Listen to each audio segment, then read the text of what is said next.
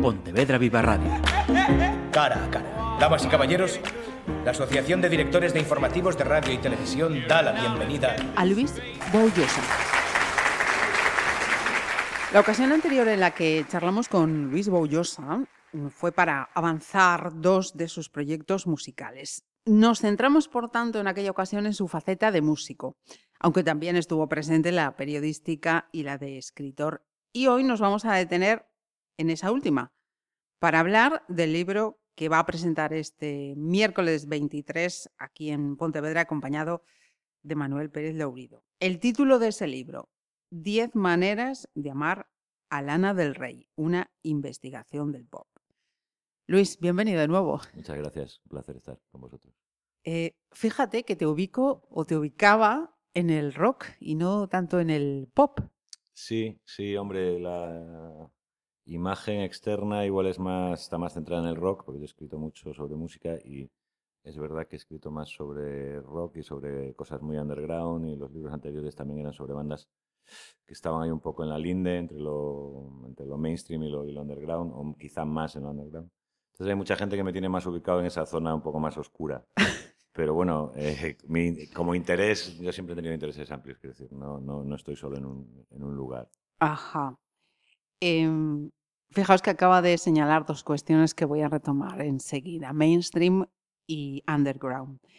Este libro es un libro mm, para todos los públicos, quiero decir, que nadie le ponga los dos rombos. Estamos hablando, o me quiero referirme con esta pregunta al tema generacional, porque habrá gente que, que Lana del Rey igual les pille un poco talluditos.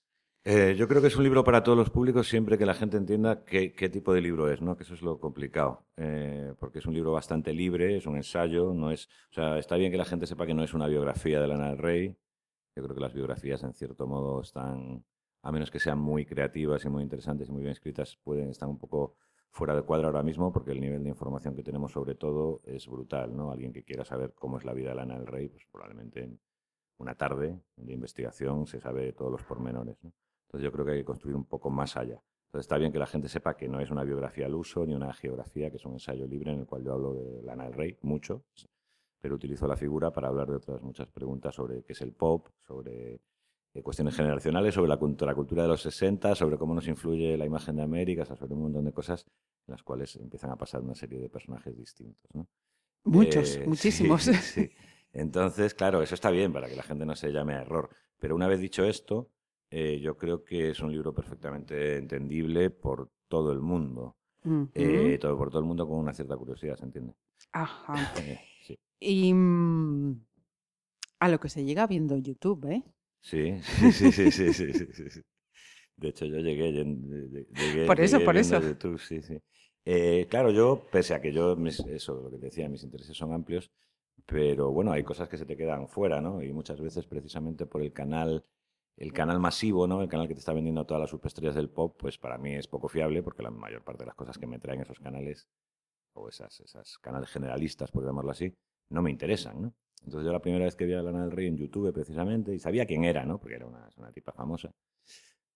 Me quedé ahí como un poco a medias, ¿no? De, bueno, oye, esto yo pensaba que iba a ser una mierda y, el radar te dice, oye, aquí hay algo interesante, ¿no? Entonces sigues rascando un poco y te acabas encontrando con un artista que pese a vivir en el mainstream, pese a tener 10 millones de escuchas, las que sean, ¿no? En, en, todas las plataformas y tal, y a ser millonaria y lo que tú quieras, eh, tiene una serie de características que la, que la diferencian de la estrella típica del pop. ¿no? La ponen en otro sitio y la ponen en un sitio muy fértil para hablar de la cultura, porque es como un, tiene un pie en cada sitio, ¿no? O sea, es un, por un lado es relativamente retro, por otro lado eh, tiene un público juvenil muy, muy amplio, ¿no? Entonces ahí hay, ahí hay todo, un, todo un territorio de conexiones en el cual yo creo que que, puedo, que puedo decir algo. Es, una, es una estrella, bueno, Lana del Rey no es tan joven como alguien cree por, la, por, la, por su impacto sobre la cultura juvenil. Es una persona que va hacia los 40 años, ¿no? Tiene 37 o 38. Em, y entonces está, está, está entre dos aguas. Yo el otro día eh, eh, acabé la presentación en, en Gijón, hice una presentación en Gijón y estaba ahí firmando un, un libro para, unas, eh, para unos señores o chicos, o como quieran, me parecían chicos, pero bueno, pero el libro era para su hija de 15 años, ¿no?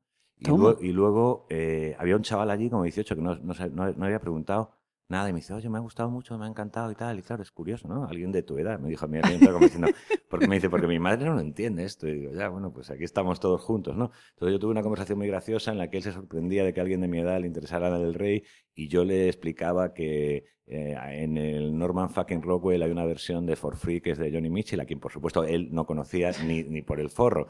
Entonces hay un intercambio eh, generacional bastante guay, al que se añade otra cosa muy curiosa de Lana del Rey, es que el, fandom de Lana del Rey, los, seguidores, eh, son es muy raro, es muy transversal, es muy transversal. Y yo me encuentro gente que digo, este le tiene que gustar Lana del Rey y no sabe ni quién es. Me encuentro otro que pienso, este no escucha más que, no sé, reggaetón y sí sabe quién es y le, y le encanta. Entonces yo ahí no he conseguido unificar una visión, lo cual dice mucho bueno, yo creo, de, lo que hace ella, ¿no? del artista. Y has nombrado a América, y hablando de, la cultura, pop, em, ¿quién escapa a la invasión americana? Nada más que en lo que es eh, cultura pop. Yo creo que nadie, pero vamos, yo no escapo voluntariamente, es decir...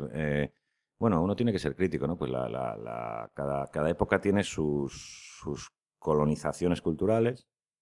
Por ejemplo, si analizo la época de mi, mi padre, por ejemplo, que era un tipo muy culto, pero ahí pues sí había una influencia americana, porque estaban los westerns, porque estaba todas estas cosas y tal, pero claro, había una influencia, por ejemplo, grecolatina muy potente, había una influencia alemana muy heavy, había todo un afrancesamiento incluso en la música, entonces esas personas, digamos, la generación de mi padre tenían una cultura eh, colonizada, digamos, desde fuera, y también estaba la parte española, por supuesto, pero, pero más equilibrada. ¿no? Y yo creo que a partir de ahí hay un momento de dominio americano en el cual hemos sido bañados en esas, en esas eh, influencias, lo cual eh, es, el principio de, de, mi tesis del libro, ¿no? lo de la América imaginada, que hay gente que no ha estado nunca allí, yo no he estado nunca en Estados Unidos.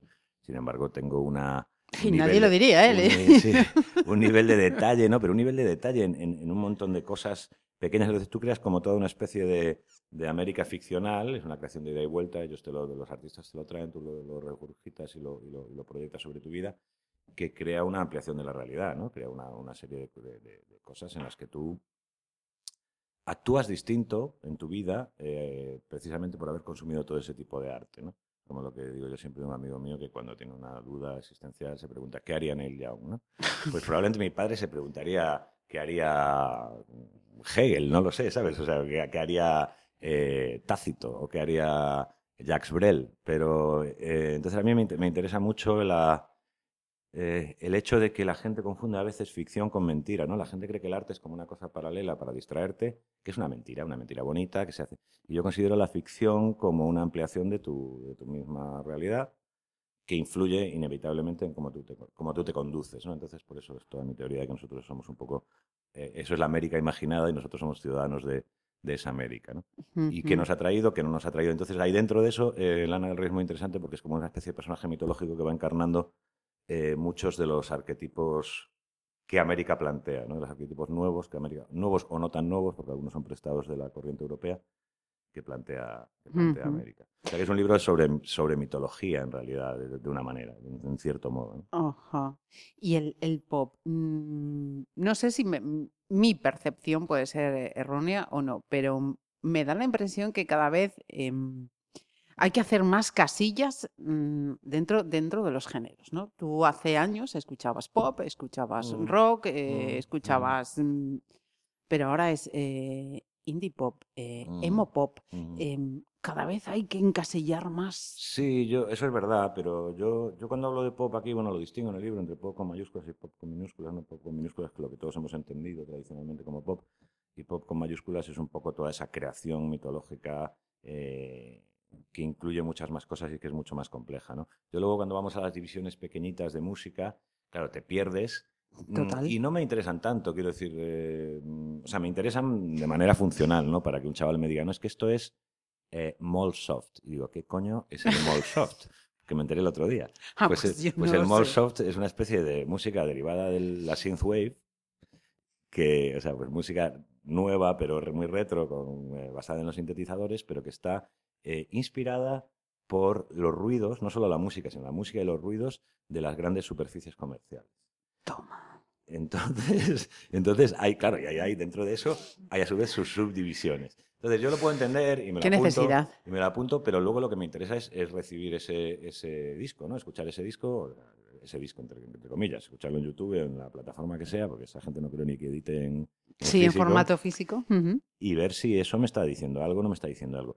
Entonces yo creo que lo que sí tenemos, nos perdemos con las definiciones, pero sí tenemos el background suficiente ya en un cierto momento para entender lo que, está, lo, lo- lo que se nos está dando. Ahora que luego le llames more soft o le llames vaporwave o glitch pop o, o dungeon synth. Ay, mi favorito es el dungeon synth, que es como synthwave, o sea, música con sintetizadores hecha por gente en su casa con sus ordenadores, ellos solos, instrumental y basada, pues muy, muy basada, pues en, en los mundos de fantasía, ¿no? En Dungeons and Dragons, en las mazmorras, en los monstruos. en Sí, las- es, como sí, una, sí, es como una sí. especie de vertiente, que- vertiente de que es del metal, pero llevada a soy un nerd absoluto, estoy en mi casa, nadie me quiere, entonces voy a hacer yo música sola y hay cosas, mara- hay cosas maravillosas. Y hay toda una cultura de trading y de, y de cintas. Toda esta gente edita en cinta. Oh, Eh, Hay que darle el punto. Claro, que dar el punto dungeon, ¿no? O sea, de- entonces, eh, a mí todas esas cosas me parecen maravillosas y en todas ellas encuentras algo muy bueno y por supuesto encuentras un nivel de morralla también importante,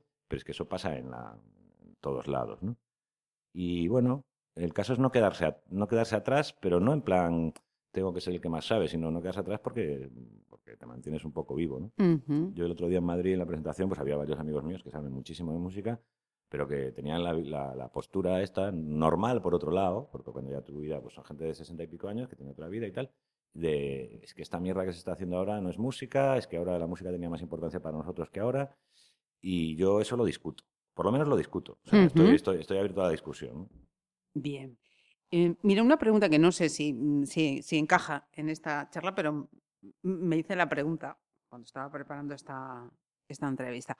Am, Lana del Rey ha sido oh, nominada eh, varias y sus- sucesivas ocasiones para los Grammy, ¿no? Una mujer tan Mm. mainstream, Mm. unos premios tan mainstream. Mm, Em, y sin embargo no he recibido ninguna. He leído hasta algún artículo que era en plan... Yo creo que es una, es una mujer mainstream, es una falsa mainstream. Es decir, eh, pega tarde, pega con una cosa que montó ella, ¿no? El video, video games, que era una cosa que tampoco venía realmente amparada por una gran campaña ni nada.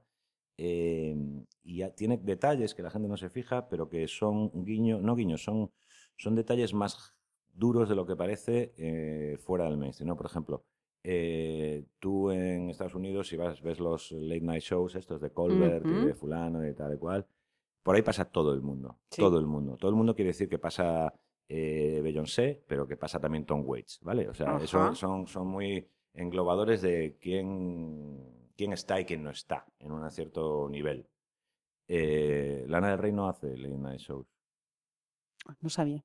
eh, excepto si la llaman para cantar. Si la llaman para cantar, ella sale allí, canta, pero no da entrevista.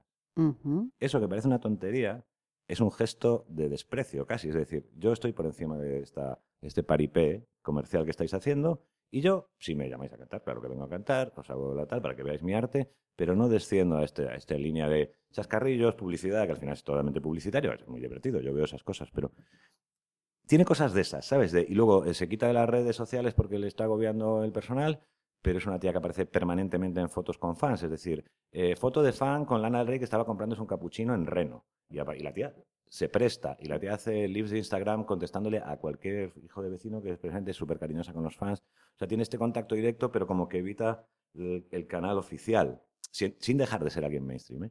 Entonces, eh, son rasgos eh, más punkis de lo que parece para alguien que está tan metido ahí, ¿no?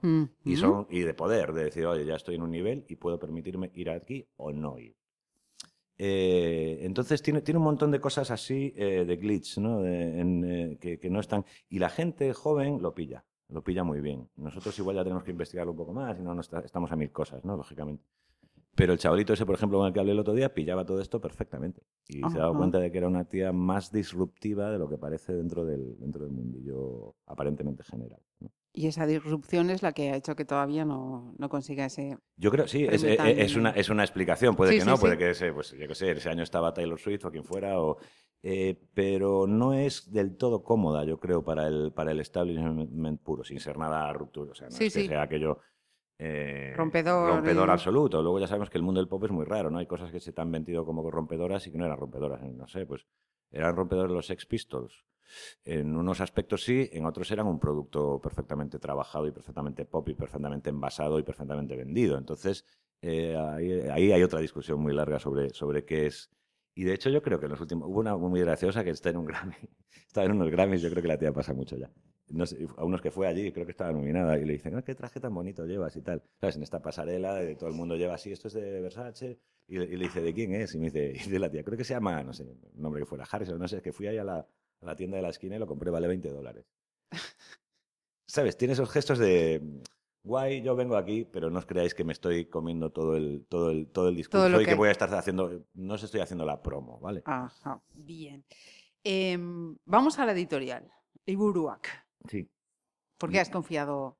Bueno, han confiado ellos en mí. Esto es- Así esto- sido al revés. No es que tú los hayas buscado y has dicho, os quiero. No, no, esto fue una conexión muy, fue una serie de casualidades encadenadas, ¿no? Yo tenía un, tengo un amigo que trabaja para Liburia como editor. Liburia acaba, acaba de empezar. Eh, depende de, de- de las tours y, es- y están apostando fuerte por libros bien hechos y tal, y con contenido. Y esta persona que, que trabajaba para ellos es Pablo Mazo, mi editor, que yo lo conozco hace aproximadamente 30 años. Entonces, pues estábamos hablando de, de- todo un poco. "Ah, Estoy trabajando con esta gente, ¿qué opinas? Yo le dije, ah, pues podía sacar no sé qué, bueno, la típica conversación. Ujú. Y de repente le digo, ah, pues yo estaba en plena fase de Lana del Rey y yo lo que quería era hacer un libro colectivo rápido. Digo, podemos hacer un libro colectivo de gente hablando sobre Lana del Rey. Y bueno, no les interesaba el libro colectivo, les interesaba un libro de autor. Y entonces me dijeron, no, hazlo tú. Y dije, bueno, pues nada, pues lo hago yo. Ujú. Me pilló en ese momento, que yo estaba con Lana del Rey porque yo estaba escribiendo un libro más grande, pero no lo iba a acabar nunca porque era un Cristo aquello. Entonces, en ese momento estaba un capítulo en el que habla de Lana del Rey. Si me pilla un mes después, le hubiera propuesto probablemente un libro sobre otra cosa y si me pilla un mes antes también. Fue toda una coincidencia. Y nos pusimos un tiempo rápido, ¿no? Este libro se escribió en tres meses y medio, abril, mayo, junio, julio, finales, sí, casi cuatro meses. Lo cual a mí también me ha gustado para, para darle un brillo como más espontáneo al, al- al tema, ¿no? Si no, si yo me empantano y no, Y me no pongo salgo. denso y no, o sea, que está bien hablar de McLuhan, pero que sean dos páginas, no 20. Y, y Liburuak, pues nada, está, está haciendo un trabajo muy guay, la verdad, y, a- y apostando por determinados libros. Ha sacado un libro sobre Drive-By Trackers, que era es esta banda del sur de Estados Unidos, que está guay. Eh, ha sacado un libro sobre reggaetón, ha sacado un libro de, de Marc Sastre, que es un escritor francés de Toulouse. Creo que no me estoy equivocando, creo que es de Toulouse. Estuvimos otro día con él en Francia, que se llama El fin del rock. No te lo puedo rebatir. Eh, eh, sí, porque creo que era de Toulouse porque estuvimos haciendo chistes sobre canciones donde aparece la palabra Toulouse, como Born Toulouse-Lautrec o cosas de estas. Y, y nada, hemos estado haciendo una mini gira, hemos estado en Bilbao, hemos estado, en- nos estamos presentando en Bilbao, en Barcelona, en Madrid, en, en varios sitios. Ajá. Mira, y la ilustración, porque me parece. Sí, es muy bonita la portada, sí, es una... la Muy es- pop. muy pop, muy, muy adecuada para el, para el contenido, por lo menos para el arranque. Eh, es de Raisa Álava, que es una, una artista plástica una ilustradora eh, del País Vasco. Raisa, Ujú. Raisa Álava, fácil de encontrar, está en, eh, conocida. De hecho, acaba de hacer, si no me equivoco, la, el cartel para la parte del Tour de Francia que, que- que pasa por Mm, Euskadi o para... Ujú. Es una y bueno tiene este estilo muy eh, eh, incluso más radical que esto. Esta, esta portada está muy bien, es su estilo es reconocible. Yo he estado en su página y, y tiene tiene mucho trabajo muy muy curioso. sí. Decía al comienzo que este miércoles lo vas a presentar en Pontevedra, en la Ah. librería Paz, 8 de la tarde, y está anotando.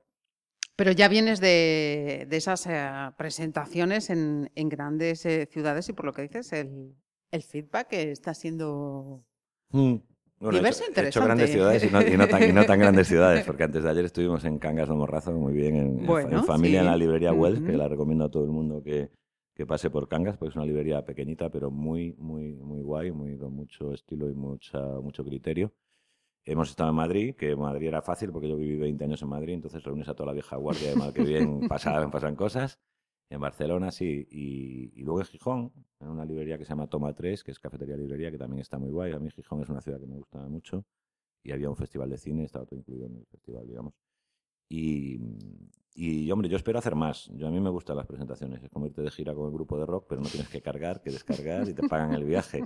Entonces es- tiene peligro porque Mucho más porque- llevadera. Claro, claro.